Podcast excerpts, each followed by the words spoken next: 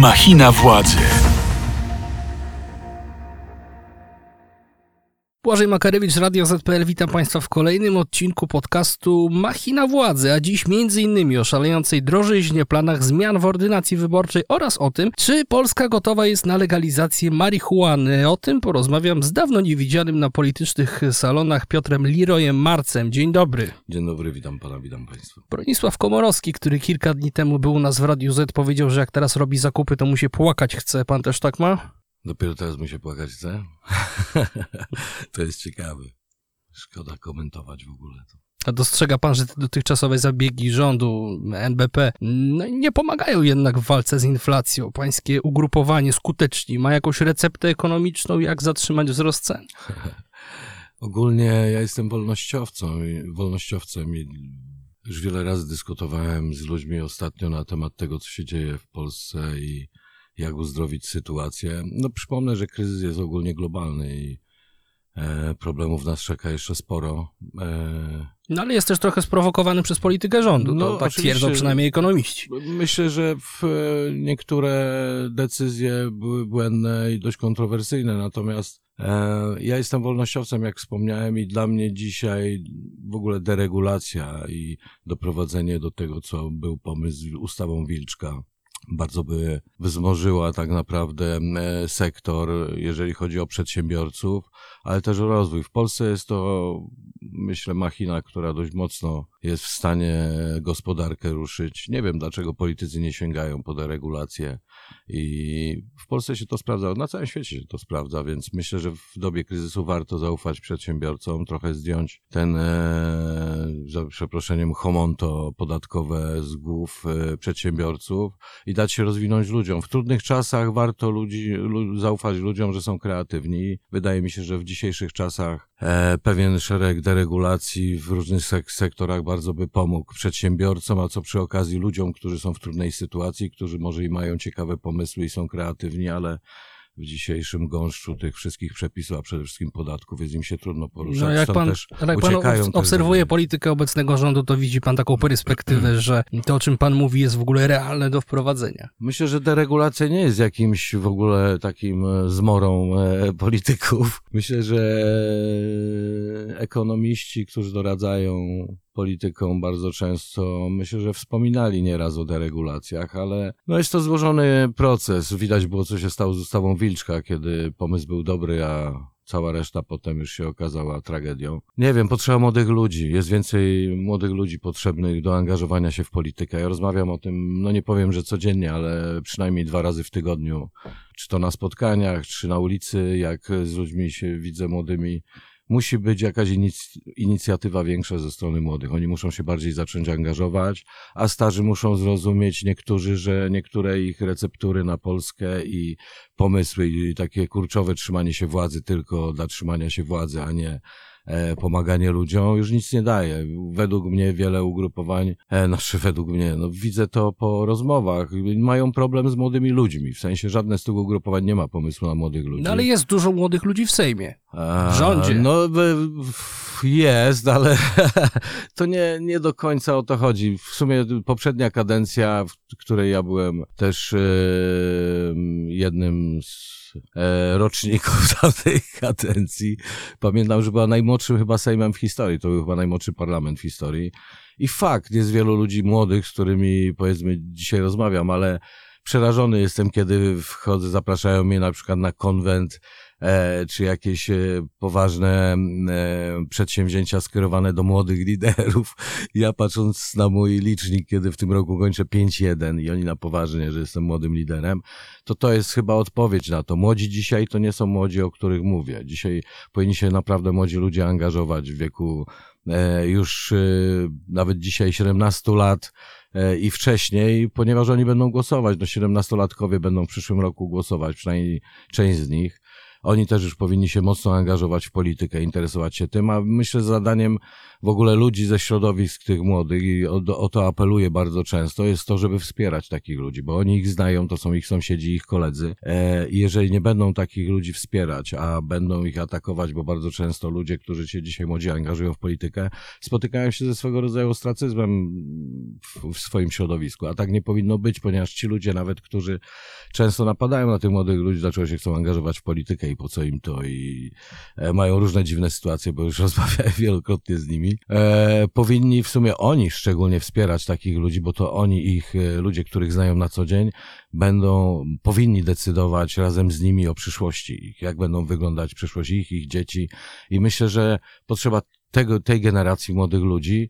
Po skutecznych widzę, że bardzo dużo, no, główny trzon na, u nas to jest tak 20 plus. I powiem szczerze, że po spotkaniach, po rozmowach, choćby nawet z e, moją córką, e, jej przyjaciółmi, widzę, że ludzie młodzi coraz bardziej się chcą angażować. Cieszy mnie to, że nie są ślepo zapatrzeni jak poprzednie generacje w e, to opium, czyli w media, bo bardzo często media są, mówimy to oczywiście na łamach bardzo mediów, nam, bardzo nam miło. ale bardzo często, no nie, no sami wiecie, jak wykorzystywane są media przez dziesiątki lat do celów politycznych, dlatego tym bardziej w dzisiejszych czasach to rzetelne dziennikarstwo jest w cenie i podoba mi się to, że młodzi ludzie potrafią naprawdę oglądać, w, no nie mówię oczywiście ogólniam trochę, ale w bardzo taki świadomy y, sposób oglądać czy słuchać mediów.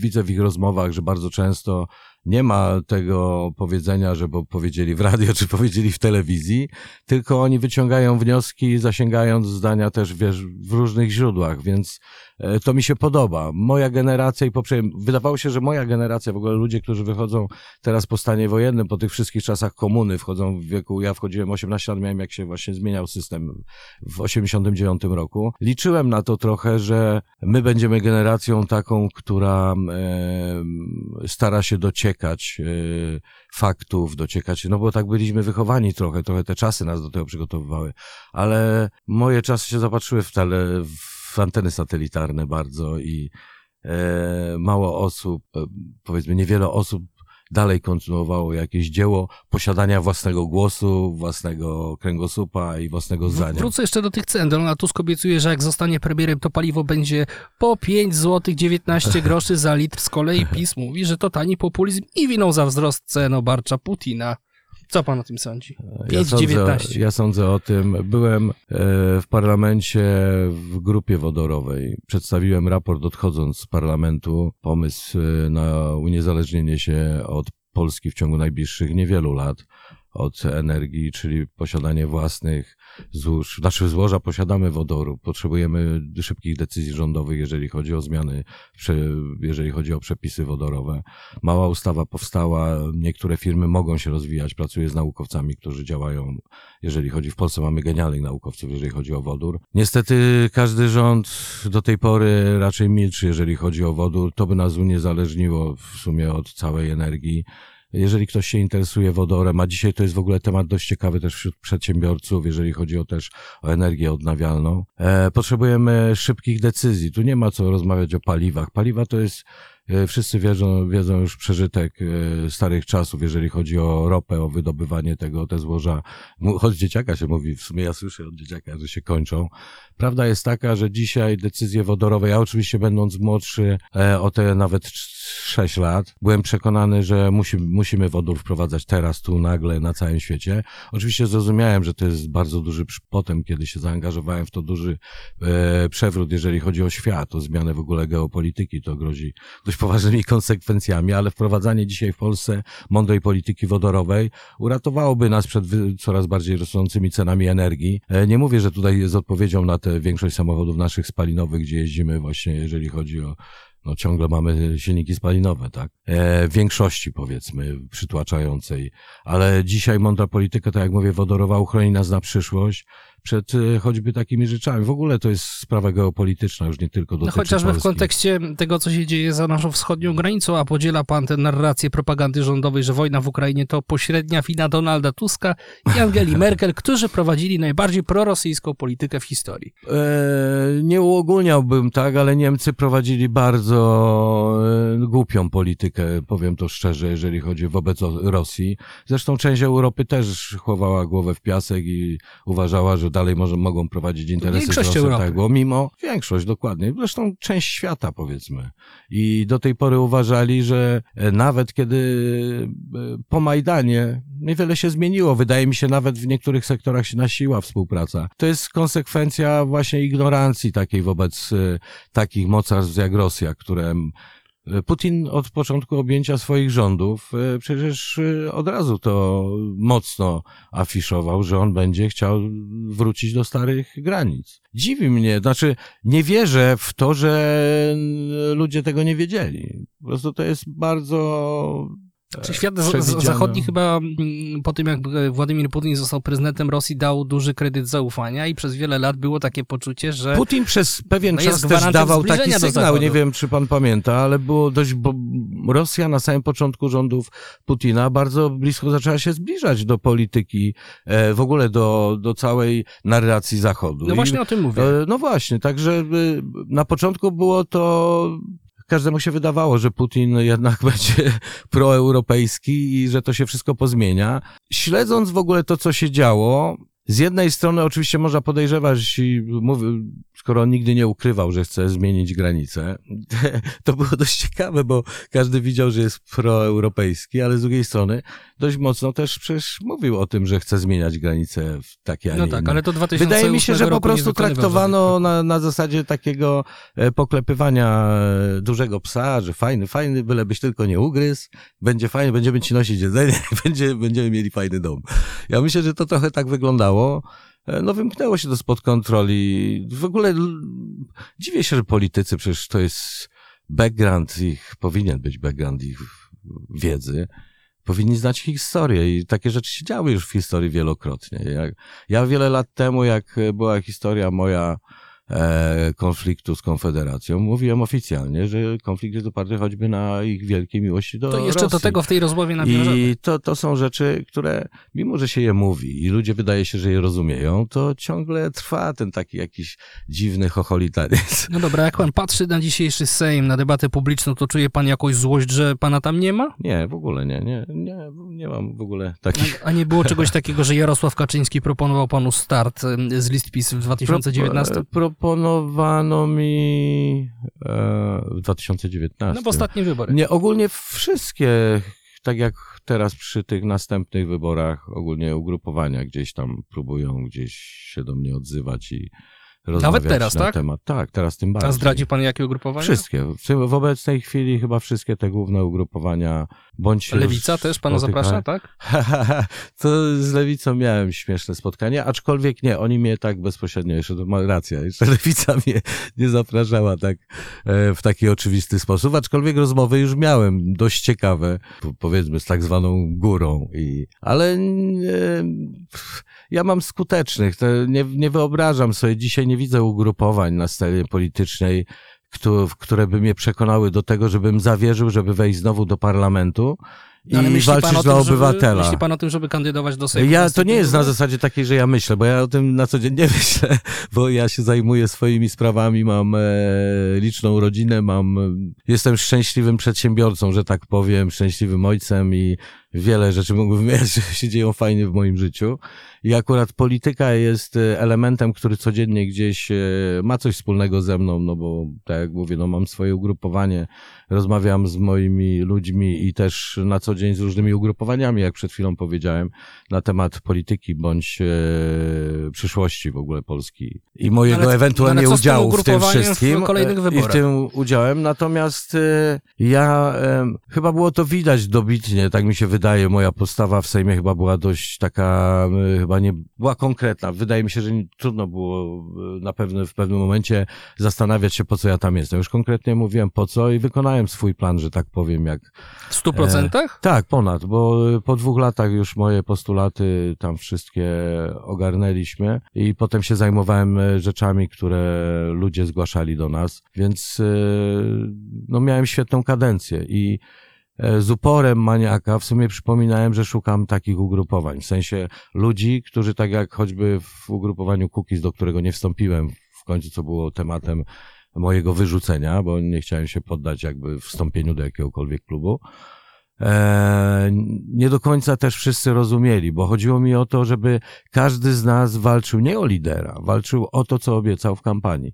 I to jest podstawa, wtedy mam poczucie, że jestem w parlamencie, który faktycznie spełnia swoje obowiązki. A w tej chwili, jak patrzę na ugrupowania, nawet te, które mi proponują, to moja wykładnia jest prosta. Które z tych ugrupowań, wchodząc do tego, w całości będzie się skupiało na tym, co obiecywało ludziom. Oczywiście absurdem by było, gdyby nagle wszyscy w ugrupowaniu każdy czego innego chciał i nagle, ale to jest tylko teoretycznie, ponieważ jeżeli każdy z tych posłów, który wchodzi, by się skupił faktycznie na swojej pracy, czy to w komisjach, czy to w różnych grupach, czy przede wszystkim w regionie i pracował, żeby, nie wiem, e, wiązać się z tych swoich obietnic, to myślę, że takie ugrupowania by- by były mm, miejscem, w którym chętnie bym się odnalazł i wtedy bym chciał startować w wyborach, ale nie widzę w żadnym z ugrupowań w tej chwili tych, e, które są w mainstreamie, powiedzmy te, które w tej chwili Szymon Hołownia teraz mi przyszedł na- myśl, że może tam by się pan świetnie e, odnalazł. Obserwuję poczynania Szymona i tego, co się dzieje. Jest wiele rzeczy, które, nie, z którymi się nie zgadzam, jeżeli chodzi o Szymona Hołownię. To nie chciałbym tutaj też mówić, bo o to też starano mnie, próbowano oczernić, kiedy mnie wyrzucano z tego e, Towarzystwa Kukiza, że e, otoczenie jest złe. No fakt, że otoczenie u, u Szymona Hołowni pozostawia czasem wiele do życzeń. Słuchasz podcastu Radia Z. Wróćmy może do pytania z początku naszej audycji. Czy Polska jest dziś gotowa na legalizację marihuany? Bo pan jest Tak, wielkim orędownikiem znaczy, tego tak i nie, tak i nie. Znaczy Polska przede wszystkim od zawsze jest gotowa na depenalizację, czyli powrót do tego, czym była Polska, bo depenalizację mieliśmy przed 2000 2000-2001 rokiem. Eee, zabrał nam ją sławny prezydent Kwaśniewski. To jest też ciekawe, że lewica, która tak głośno krzyczała, że jest pro e, Ale mocno zawsze... zmienił poglądy chyba w tym No, obszarze. zmienił poglądy, przypominam, po wielu latach nacisków. I by, wiem, co mówię, bo też uczestniczyłem w tym. Więc e, to nie jest do końca tak. Zmieniam poglądy, kiedy widzę, co uczynił. Czyli rozumiałbym, znaczy ogólnie rozumiem jego skruchę po takim czasie prezydenta. Jest ona mocno spóźniona i jest na miejscu. Nie powiem, że jest nie na miejscu. Jest na miejscu, jeżeli, ale bardziej bym liczył na to, żeby za tym szło coś więcej. Znaczy, rozumiem, że prezydent tam wstąpił do pewnej grupy, która wspiera, ale e, jeżeli wy, ktokolwiek by zrobił tak dużą krzywdę, a przypominam, że to nie jest żart, po dekrecie prezydenta, po zmianie ustawy, średnio 30 tysięcy ludzi młodych trafiało do, do, do, do aresztów. Większość z nich kończyła w więzieniach. Większość dostawała wyroki trzech lat za zwykłego jointa. Ich kariera jakakolwiek, jak marzyli o karierze naukowej, politycznej szczególnie, mogli o niej zapomnieć, to był dekret właśnie i pomysły prezydenta. To jest 30 tysięcy ludzi co roku od 2000 roku, mamy 2022. Łatwo sobie pomyśleć, ile ludzi zostało e, żyć złamanych. To nie jest to, że przepraszam i odchodzę. On się powinien bardziej angażować w to wszystko, bo jeżeli ktoś zrobił tak dużą szkodę dla ludzi i teoretycznie przyznaje się do tego, że wyrządził, widzi szkodę, którą uczynił, to jest to jednak za mało. Jego angażowanie powinno być dużo większe. On się powinien angażować na poziomie choćby prezydenckim w tej chwili. W tej chwili są bardzo dużo się prowadzi rozmów. Uczestniczę w takich rozmowach od lat na poziomie europejskim, jeżeli chodzi o legalizację. Niemcy, przypomnę, zgłosiły w tej chwili, że już w tej jesieni chcą się legalizować. E, Malta już jest zalegalizowana. Szwajcaria jest w trakcie procesu. Portugalia, Hiszpania, nie muszę przypominać, jak blisko są. E, Luksemburg też w tej chwili to potwierdził. No Europa się w tej chwili legalizuje. To jest kwestia najbliższych, naprawdę bliskich lat. Dwóch, trzech, czterech lat, że będzie Europa Pracujecie nad jakąś ustawą konkretną? Tak, znaczy ustawa istnieje, ja tą ustawę już zgłaszałem, ja tą ustawę e, w tej chwili po raz kolejny gdzieś tam próbuję przypomnieć ugrupowaniom choćby przed wyborami, które będą. To jest ważny element dla mnie też, część, e, powiedzmy, na pewno nie mojej politycznej kampanii, ale mojej takiej obywatelskiej, kiedy walczę o, o to, żeby była legalizacja, to jest zbyt na wyrost słowo. Nie mamy legalizacji nigdzie na świecie, choćby co się działo. Legalizacja to jest zrównanie konopi, gdzie jest jej miejsce, czyli tak jak pomidory. To jest zwykła roślina, której, przypomnijmy sobie o absurdzie w ogóle, jaki to jest. Ktoś z ludzi postanowił zakazać jakiejś rośliny rosnąć na świecie.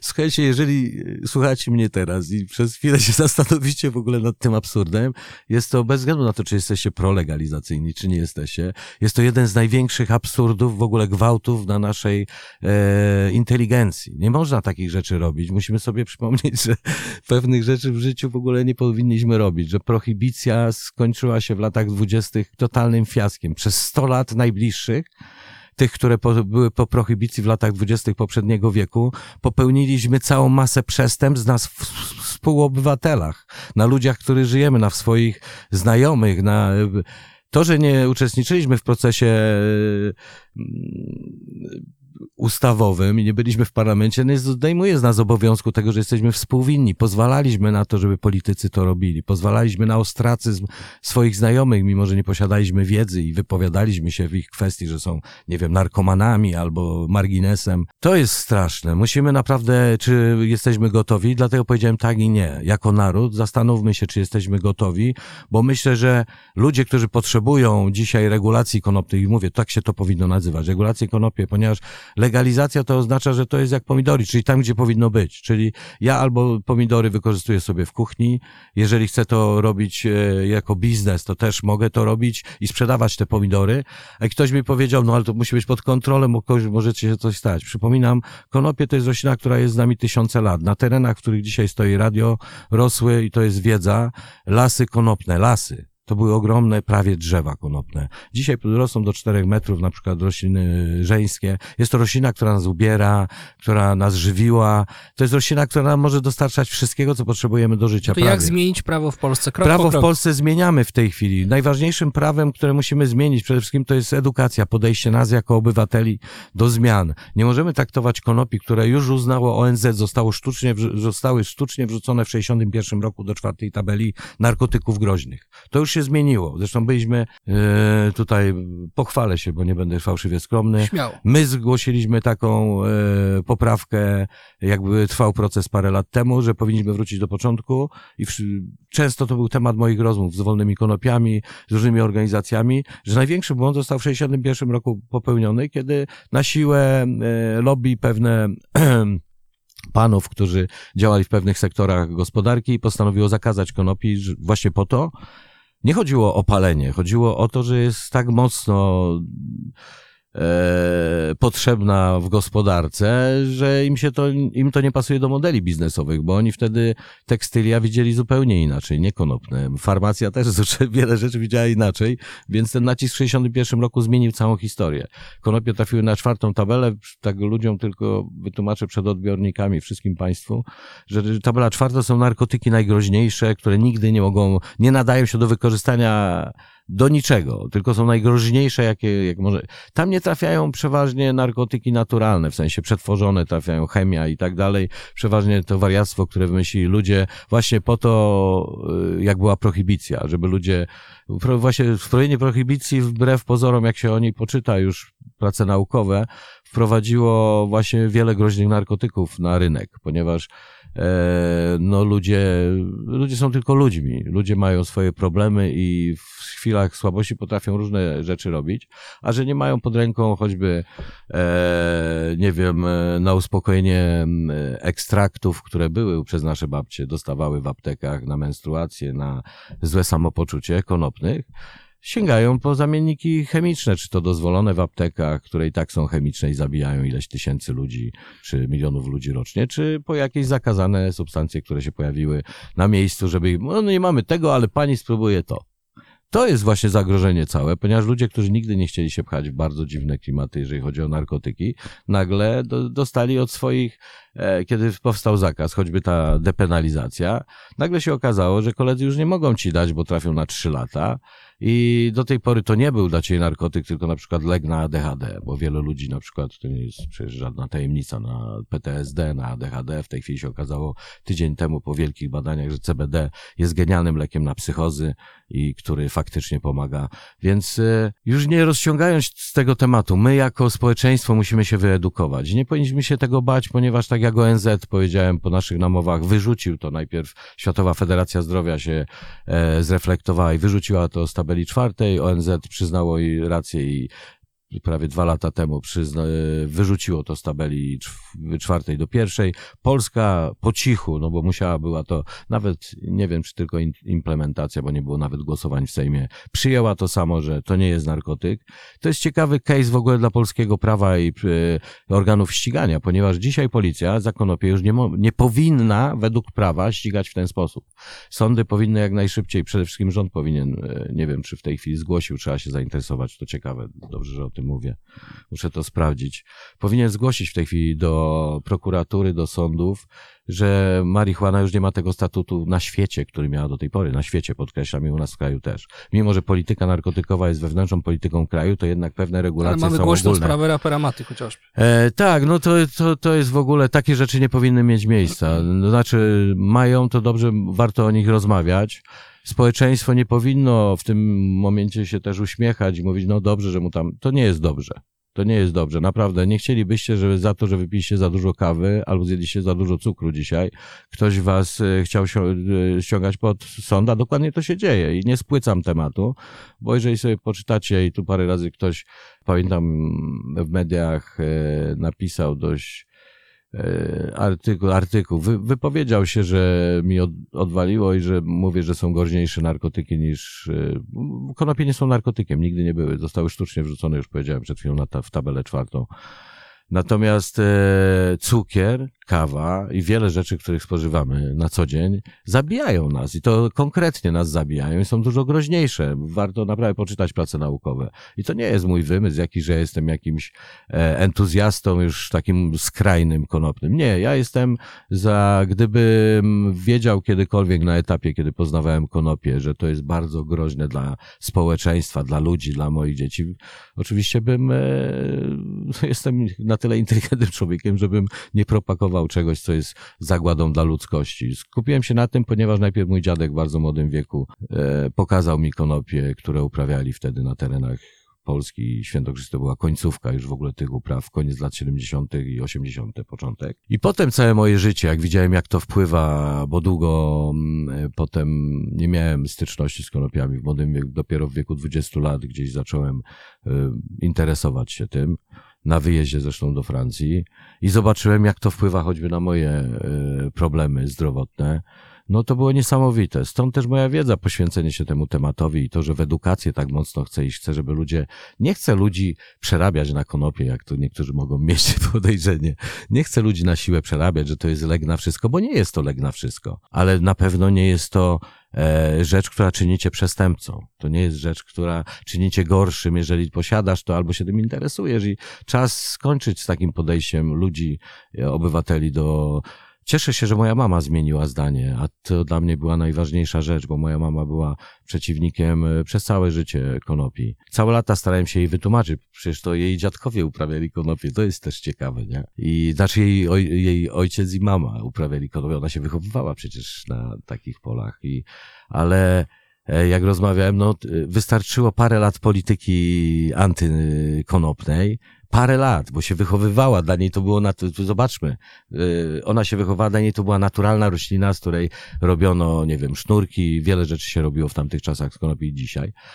A mimo to parę lat polityki, bo to w sumie lata 80., 90. W 80. latach w ogóle konopie nie były na, w ogóle na tabeli, uprawiało się je normalnie, nikt nikomu nic nie kazał. Ja zresztą zrobiłem wywiad, mój pierwszy o konopiach jest w programie drugim telewizji polskiej z 91 roku. Pierwszy raz mnie telewizja w ogóle pokazała w dwójce, a propos mojej tego, co robię, rapu. No i część wywiadu była o konopiach. Ja opowiadałem o tym, że są piękne rośliny, że można z nich wszystko wytwarzać, że musimy uważać, żeby któryś rząd nie wpadł na pomysł, nam to będzie ograniczał i robił nas przestępców, a w tym czasie mafia to posiądzie. Warto obejrzeć, bo powiedziałem dokładnie niestety, co się stanie w najbliższych latach, ale to było łatwe do przewidzenia, bo obserwowałem świat i jak to się dzieje. Ale konopie tak naprawdę złą sławą zostały Lata 90. wprowadziły nas w taki klimat w Polsce, w którym dużo się mówiło o tym, że to są złe, a e, nikt nie zdawał sobie pytania dlaczego. Wytłumaczcie nam z jakiego powodu. E, Przecież background Polski jako uprawy konopi jest ogromny. My byliśmy drugim mocarstwem na świecie, aż po wojnie Rosja zaczęła nam wycinać odbiory i to świe- śmiercią naturalną te uprawy umarły, ale my mieliśmy 30, tyś- ponad 30 tysięcy hektarów. W całej Europie nie, jest, nie ma tyle uprawów, upraw konopi. To jest ogromny areał. My żyliśmy z tego, byliśmy ogromnym potentatem konopi. E, nasz instytut ma dzisiaj, już chyba w tym miesiącu, w zeszłym miesiącu chyba skończył 94 lata, o ile się nie mylę. E, Instytut Włókien Naturalnych z Poznania. My, my naprawdę o konopiach wiemy wiele. Nasz background, jeżeli chodzi o ludzi i fachowość jest ogromny. I nieprawdą jest, że w naszych, jak to powiedział jeden polityk, że e, konopie nie leżą w naszej kulturze. Tu się bardzo mylił. A jeżeli uważa, że jest inaczej, to czas to zmienić. Czas, żeby w naszej kulturze nie leżał alkohol przede wszystkim. To wróćmy jeszcze do spraw politycznych. Paweł Kukiz miał rację, wchodząc w ten sojusz z PiSem, bo jak dotąd to chyba za wiele nie wywalczył. I z tego, co mówią politycy PiS, to też nie zapowiada się, żeby ta wizja mm, zbliżona do forsowanych przez Kukiza jednomandatowych okręgów wyborczych mogła wejść w ogóle w życie. Myślę, że Paweł, i mówię to szczerze, jako jego kiedyś dobry kolega, znaczy zawsze mu dobrze życzyłem. On źle miał, znowu wracamy, ludzie naprawdę, mm, jego otoczenie bardzo mm, źle go nastawiło do mnie. I on wie o tym, bo rozmawialiśmy o tym prywatnie. Nigdy nie życzyłem Pawłowi źle. Słowo. Nigdy. Nawet y, wewnątrz klubu jednoczyłem klub, kiedy e, jego ludzie dowiedzieli się, że prawie trzy czwarte klubu ze mną sympatyzuje. Bardzo szybko podjęli decyzję o wyrzuceniu mnie. Poczuli to jako zagrożenie, gdzie ja do wszystkich, to możesz zapytać wszystkich z tej ekipy, mówiłem skupcie się na tym, żeby, żebyśmy się trzymali razem, że mamy po co walczyć. Ludzie e, dali nam duży kredyt zaufania i chcą, żebyśmy go e, uszanowali, żebyśmy spełnili chociaż to, co obiecaliśmy u siebie w regionach. Jedynie, co możemy po, pomóc Pawłowi, to skupmy się na merytoryce, tak jakby skupmy się na tym, po co przyszliśmy do parlamentu. A no i dostałem za to e, odpowiedź konkretną. No tak, a Paweł Wynoś się z klubu. I, i, teraz jak, teraz. e, dlaczego, zro- ten wstęp zrobiłem po to, żeby każdy zrozumiał, że ja naprawdę nigdy Pawłowi źle nie życzyłem. W sensie uważam go, uważam, że się Paweł nie nadaje na lidera. Nie nadaje się i mówię to szczerze i zawsze mu to powiem. Nadaje się na to, gdzie się sprawdził i widzieli to ludzie i widział to on. On świetnie rozmawiał z ludźmi na dole, świetnie sobie radził w terenie i on się powinien zawsze na tym skupiać. On nie powinien podejmować decyzji tego rodzaju, bo w tej chwili wszystkie jego decyzje, nie chcę być, że są błędne. No, dla mnie są totalnie niezrozumiałe. Wejście w konszachty z PSL najpierw.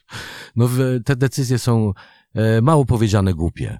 To są, naprawdę, jeżeli, wiadomo, że w polityce liczy się strategia. No to, to jest przede wszystkim strategia i e, muszę być dobrym strategiem, żeby e, w, wskutek sojuszy i decyzji, które podejmuję, osiągnął cel, który jest ważny dla moich e, wyborców, którzy mi zaufali i oni będą mieli z tego dobrze. Nie ja jako lider, nie moje ugrupowanie, ale oni. I ja rozumiem takie podejście, ale tego podejścia już nie ma i nie było w, tak jakby w bliskim otoczeniu Pawła. Paweł myślę, że by chciał tak, marzył o takich rzeczach, ale on już dawno tego nie robi i nie zrobi tego nigdy. I em, znaczy nie będę pesymistą. Mo, może nie chcę być, myśleć, że wiem, jak wygląda przyszłość, bo nie wiem i tego nikt nie Słuchasz podcastu Radia Z. Ten sojusz z PiSem ale to błąd? sojusz, sojusz w ogóle, w, w, ja, w, większość decyzji, które podjął są złe. Nie wiem na jakich zasadach jest ten sojusz. Wiesz, sojusze czasem są dobre dla ludzi i to nie jest tak, ja też nie jestem tym, który e, politycznie będzie ugrywał każdy sojusz i śmiał się z każdego, kto zawiera jakieś sojusze. Niektóre sojusze są e, do zawarcia i mogą spalić mnie jako lidera i partia, a jeżeli na końcu obywatel osiągnie dokładnie to, po co ja przyszedłem do Sejmu, niech pali całą partię i niech ona zniknie. Ale rozumiesz, e, kiedyś ktoś powiedział, że celu święca środki. W polityce wydawałoby się, że tym bardziej, ale to tak nie jest, bo jeżeli chcemy zbudować pierwszy raz w historii a chcemy, rozumiem, po to powsta- powstają takie ugrupowania jak Cookies, po to powstają te wszystkie ruchy wolnościowe. Chcemy stworzyć coś, co nas nie będzie uwierało, politykę, która nas nie będzie e, ośmieszała, politykę, która nas nie będzie zawstydzała, politykę, której mogą się nasze dzieci uczyć już od podstawówki, która ich przyzwyczaja do tego, jak nie dawać się oszukiwać. Mnie się wydaje, że takiej polityki szukamy jako wolni obywatele. To nie możemy zezwalać na takie sojusze, w sensie tak chaotyczne. To nie chodzi o to, że Kukiz nie może się pojednać z PiS w imię dobrej idei. Może, jak najbardziej może i to nie jest nic złego z zasady, jeżeli to służy dobrym celom No, obywatelskim. tylko pytanie, czy nie jest wykorzystywany. Tylko właśnie o tym mówię. Na tym etapie nie wierzę w żaden taki sojusz. Nie znam szczegółów, ale nie wierzę w to, że dostanie Paweł to, co dostanie. Ja uczestniczę choćby w wielu rozmowach dzisiaj, takich na poziomie, gdzie próbują mnie przekonać ugrupowania wszystkie, tak jak powiedziałem, no może bardzo poza tymi lewicowymi, bo chociaż nie Mo- do końca, może tak jak jeszcze. mówię, nie do, ale nie, ja się nie nadaję, nie jestem lewicowcem i nigdy nie byłem. Ja jestem centrowym chłopakiem wolnościowym. Ja kocham wolność. Ja chcę, e, już wielokrotnie mówiłem, czego tak naprawdę chcę w polityce i te, czego chciałbym, w jakim, w jakich realiach politycznych chciałbym się, że moje dzieci, ich dzieci i wnu, wnuczęta się wychowywały. Ale my potrzebujemy dzisiaj naprawdę raz, że faktycznie dużego kredytu ludzi. To jest to, co, jak pamiętam, e, Kukiz wszedł do Sejmu i my wszyscy dostaliśmy mandat zaufania. Mówiłem na paru spotkaniach, wielu spotkaniach kiedy- od samego początku, że takie ugrupowanie jak Kukiz potrzebuje bardzo dużego kredytu zaufania od obywateli no i naprawdę bardzo szczerego, bo obywatele bardzo się szybko nudzą, szczególnie No, był ten kredyt E, zaufania. tak, ale tu ciąży bardzo duży e, odpowiedzialność na właśnie całym ugrupowaniu. I w, dzisiaj jest trudno, uwierzcie mi, bo próbowałem e, tworzyć e, powiedzmy tak zwaną armię, bo ludzie trochę oczekują od takich ludzi jak ja, że już weszli do polityki, tak jakby osadzają się nie tak jakby. No, potrafię być liderem, potrafię wziąć, wziąć odpowiedzialność za grupę i e, potrafię odpowiedzieć za to i wziąć pełną odpowiedzialność e, w negatywnym nawet tego słowa znaczeniu i wiem, czym ona jest. E, więc tym bardziej ludzie mnie ciągle namawiają na to, żeby łączyć ludzi właśnie młodych, no po to skuteczni właśnie powstali. I e, trudno jest dobro, dobrać brzydkie słowo, powiem armia, ale to, to tak e, mówiąc e, kolokwialnie. Tak, trudno jest dobrać, bo e, niewiele zostaje, jak patrzy się na to, na naszych przyjaciół i jakie mają upodobania. A ja nigdy nie, nie, nie patrzę na swoich przyjaciół przez pryzmat ich upodobań politycznych. I nigdy nie patrzyłem, bo wśród moich znajomych można by znaleźć cały elektorat wszystkich ugrupowań politycznych, a nigdy moich przyjaciół tak nie traktowałem, chociaż niektórym z nich się zdarzało przekroczyć granicę i zrobić to wobec mnie, co, co nie jest zresztą, nie, nie ma znaczenia tutaj akurat w tym, A o w czym rozmawiamy. 2019 ale- roku startował pan do Parlamentu Europejskiego z listy Konfederacji, bo Tak. Kai Godek, Grzegorza Konfe- Brauda, tak, Janusza dlatego tak szybko A- Ale nie czuł pan kaca po tych Nie, wyborach? ja, znaczy ja kaca nie czułem, ponieważ Konfederację wymyśliłem ja. E, znaczy, nie chcę być źle zrozumiany i też uchodzić za takiego jakiegoś idiotę, który nagle wszystko ja, ja, ja. Nie, Konfederacja powstała, nazwa też powstała przy mojej inicjatywie. Chciałem konfederację wszystkich tych e, ruchów e, wolnościowych. Dlatego moim pierwszym partnerem byli ludzie z wolności Korwina. Nie chodziło mi już w sumie o Janusza, bo Janusza wspierałem, zresztą słychać na mojej pierwszej płycie przecież Korwina na albumie. I ja byłem wolnościowcem od zawsze. Walczyłem, kiedy 89 rok przeszedł, byłem wśród wielu ludzi moich w moim wieku, którzy przyłączali się do... No ja nigdy nie wstąpiłem do Korwina No, ugrupowań. ale nie poukładała się ta współpraca. Ale nie, nie, to znaczy właśnie chcę e, pokrótko opowiedzieć, żeby genezę zrozumieć, dlaczego. E, Skończyła się chyba na jednej z pierwszych konferencji Janusza, kiedy zadzwonił do mnie mój serdeczny przyjaciel Paweł. E, oczywiście nie Cookies. No, o tym samym. I powiedział, y, czy oglądam w tej chwili konferencję. Mówię, jaką? No to włącz sobie na internecie ten. I zobaczyłem Janusza, który stoi w gronie narodowców i całej reszty, że właśnie do Konfederacji przystępują tacy ludzie. To był zgrzyt. To y, od razu zaczęliśmy Czy rozmowę chodziło o to, że pana tam nie wyjściu. zaprosił? zaprosił. Nie, nie, tak, oczywiście, rozumiem ten żart. Nie, oczywiście chodziło mi o to, że dla mnie wolność była trochę inaczej pojmowana i no przegrałem z argumentami Janusza, yy, skądinąd trudno się trudno polemizować z tym, kiedy Janusz ci mówi, że no wolność na tym polega, że każdy może być wolnościowcem. no zaprzeczeniem bym był, kiedy bym powiedział, że nie każdy ma prawo powiedzieć, że właśnie przez pryzmat choćby nawet narodowy wyznaje wolność. No ale straciłem e, sens tworzenia tego, więc bardzo szybko zacząłem już wychodzić z ugrupowania.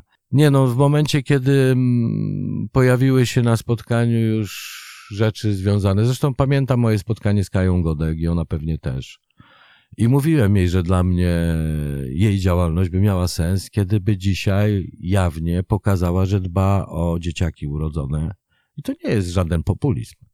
Żeby pokazała, że w statucie jej ugrupowania jest dbanie o dzisiejsze dzieciaki, dbanie o matki, które dzisiaj się obawiają urodzić i myślą o aborcji, dla mnie to by była działanie polityczne. Cała reszta, jeżeli chcesz, mówię, tak drastycznie wchodzić w życie ludzi, to najpierw pokaż, że, że to ma sens, to ma no i to była jedyna rozmowa taka poważna z Kają Godek. E, no nie, ogólnie nie, nie potrafiłem się, to nie są moje klimaty. Ja nie, nie chcę mówić nikomu bronić, czy Kai Godek, Brownowi, Korwinowi, Kukizowi ich. Wręcz przeciwnie, mogą w to wierzyć, mają prawo w to wierzyć i dochodzić swoich praw, że oni by chcieli żyć w takim świecie. Ale ja mam prawo powiedzieć w tym momencie, że, że to nie jest mój świat. Że ja idę, ja jestem, ja wolność trochę inaczej pojmuję. I, i czy, i kaca? Nie, kaca nie mam. W sensie, e, z jednej strony pokazałem wielu moim kolegom, łącznie z Pawłem Kukizem i jego otoczeniem, bo oni się śmiali, że ja solo nic nie znaczę. To nie jest prawda. Potrafię budować ugrupowania polityczne, które wejdą nawet do, do parlamentu i i potrafię i pokazałem to praktycznie, bo uczestniczyłem w procesie tak jakby budowania e, konfederacji. Zdecydowałem w momencie, w którym spokojnie mógłbym z, e, uśmiechnąć się, siąść na fotelu i wziąć wszystko, bo oferowano mi nieoficjalny zarząd wszystko. Mogłem wziąć co chciałem, a nie chciałem nic, bo ty, cokolwiek bym nie wziął nie jest warte czegokolwiek, o co się przyszedłem bić. I i nie mam, wydaje mi się, politycznie i nigdy chyba nie miałem, nie miałem takich ambicji, żeby komuś coś udowadniać. Aczkolwiek próbowano mnie sprawdzać, próbowano mi ujmować. Zresztą moje życie na tym polega, że jak robię rzeczy, które mnie pasjonują i udaje mi się robić, to najpierw ze mnie się śmieją, a potem oczywiście się chcą przyłączać. Albo, no to historia i z muzyką, i z polityką, i z moim biznesem, z wieloma rzeczami mógłbym opowiadać tę historię, ale nie, nie jest to rzecz, która gdzieś zostawia we mnie kaca. Nie, buduje mnie to dość mocno. W sensie potwierdza to, że rzeczy, które robię, w które wierzę, mają sens. Ludzie, którzy e, są obok mnie, też mi dają to wsparcie i potwierdzają, że podejmuję słuszne decyzje, nawet wtedy, kiedy e, powiedzmy zmysł, choćby taki wyrachowany polityczny w tym wypadku, podpowiada co innego. Nie, wydaje mi się, że dzisiaj to, o czym powiedziałem, o czym rozmawialiśmy, trochę mm, powinno dać ludziom do myślenia, po co w polityce znalazłem. Chcę widzieć po prostu wolną Polskę, którą Polska jest, tylko ciągle ktoś próbuje nam wmówić, że jest inaczej, próbuje nas zepchnąć w inny kierunek. Chciałbym widzieć bardziej Polskę taką, jaką boją się ludzie czasem widzieć. Myślę, że my wszyscy widzimy bardzo podobnie Polskę, tylko czasem boimy się swoich marzeń. Przestaliśmy w nie wierzyć. Widziałem, jak padały marzenia moich rodziców, ich e, przyjaciół. Oni po prostu przestali wierzyć. Oni i wielu moich rówieśników i ludzi na ulicy, których mijam, nie wierzą już w to, że Polska będzie inna. Stąd uciekają, e, stąd są te e, tak duże fale przenoszenia się do innych krajów, które według wielu Polaków dadzą im szczęście i prawdopodobnie tak, bo szukają namiastki czegoś, co i tak tu jest, tylko nie, bardzo często jest to nam zabierane właśnie, a choćby to przez głupie przepisy, choćby to i najgorsze jest to, że my się do tego dokładamy i nie mówię, że wy, a ja nie.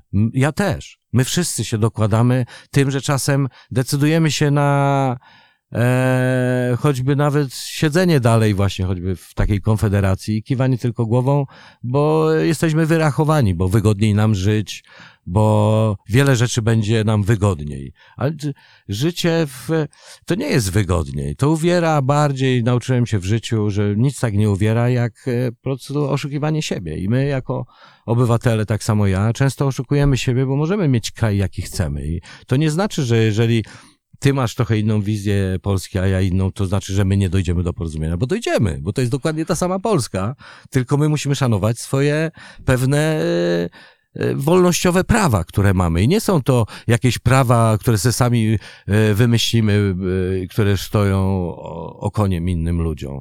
Prawa ludzi są jedne. Poszanowanie, miłość do, i to nie taka kolokwialna miłość, tylko w sensie czysta miłość taka do, do, do, do drugiego człowieka. Ja mam w ogóle inne podejście, bo wiesz, ja jestem osobą, która wierzy tak samo jak Hawking w pewnym etapie swojego życia, czy nie wiem, Elon Musk, wielu jest ludzi i naukowców dość znanych dzisiaj, że jest to rodzaj symulacji, i którą, która nas testuje i, ale też wierzę, że pochodzimy od, i tu nie mówię o Bogu w sensie takim, jak to postrzegamy. Myślę, że pochodzimy dokładnie od tej samego egzemplarza jednej postaci. Tylko Bar- bar- wychowujemy się w różnych środowiskach i w tej symulacji widać, jak różne środowiska potrafią na dokładnie tą samą postać e, mieć wpływ, które zmienia e, jej podejście do wielu spraw, podejście do świata, czy jest osobą, która potrafi kochać, mieć empatię, czy nie. Jest to ro- rodzaj eksperymentu, a my, e, żeby było śmieszniej, możemy na każdym etapie w ogóle ten eksperyment prowadzić po swojemu. Tak? Myślę, że każda decyzja, którą podejmujemy wbrew sobie w ogóle, i tu nie mówię, bo ktoś powie, tak, to co, powinniśmy pozbawić się pewnej emocji, co, mordować i tak dalej. Nie lubię tego typu rozmów, bo to skraca rozmowę do poziomu naprawdę już ludzi, którzy są o niskim ilorazie inteligencji. To na sam koniec chciałem jeszcze zapytać o, bo bardzo dużo y, mówi pan dzisiaj tak nawet filozoficznie o tym, y, po co angażuje się pan, angażował się pan w politykę, jakie Nie, no też mogę ważne. bezpośrednio angażuję się wtedy, kiedy widzę sens. Widzę sens, że będzie to miało skutek nie dla mnie, dla mojej kieszeni.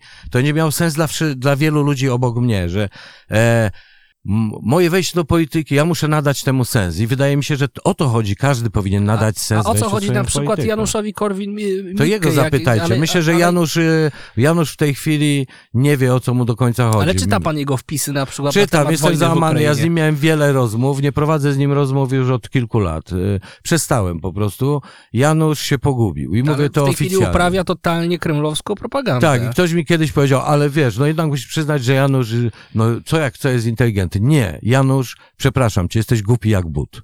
Prawda jest taka, że inteligentni ludzie, którzy pozwalają na to, żeby tak degradować e, swoje e, zasoby, są głupi po prostu. I e, tak, tak po prostu. Uważam, że ludzie, którzy mogliby pomóc ludziom, a nie dosyć, że nie pomagają, a jednocześnie wprowadzają zbyt duży chaos do ich życia. Uważam, że osoba inteligentna, która e, próbuje na siłę pokazać głupcom, że są głupi, jest total, jeszcze większym głupcem od nich. I taka jest prawda. Dzięki wielkie za naszą dzisiejszą rozmowę. Gościem machiny władzy był Piotr Leroy Marzec, były poseł, y, partia Skuteczni. Ja zachęcam do słuchania nas w playerze Radia Z i aplikacji Spotify. Słyszymy się już za tydzień. Dziękujemy za Dziękuję uwagę. bardzo. Do widzenia. Pozdrawiam. Machina władzy. Więcej podcastów na player radioz.pl.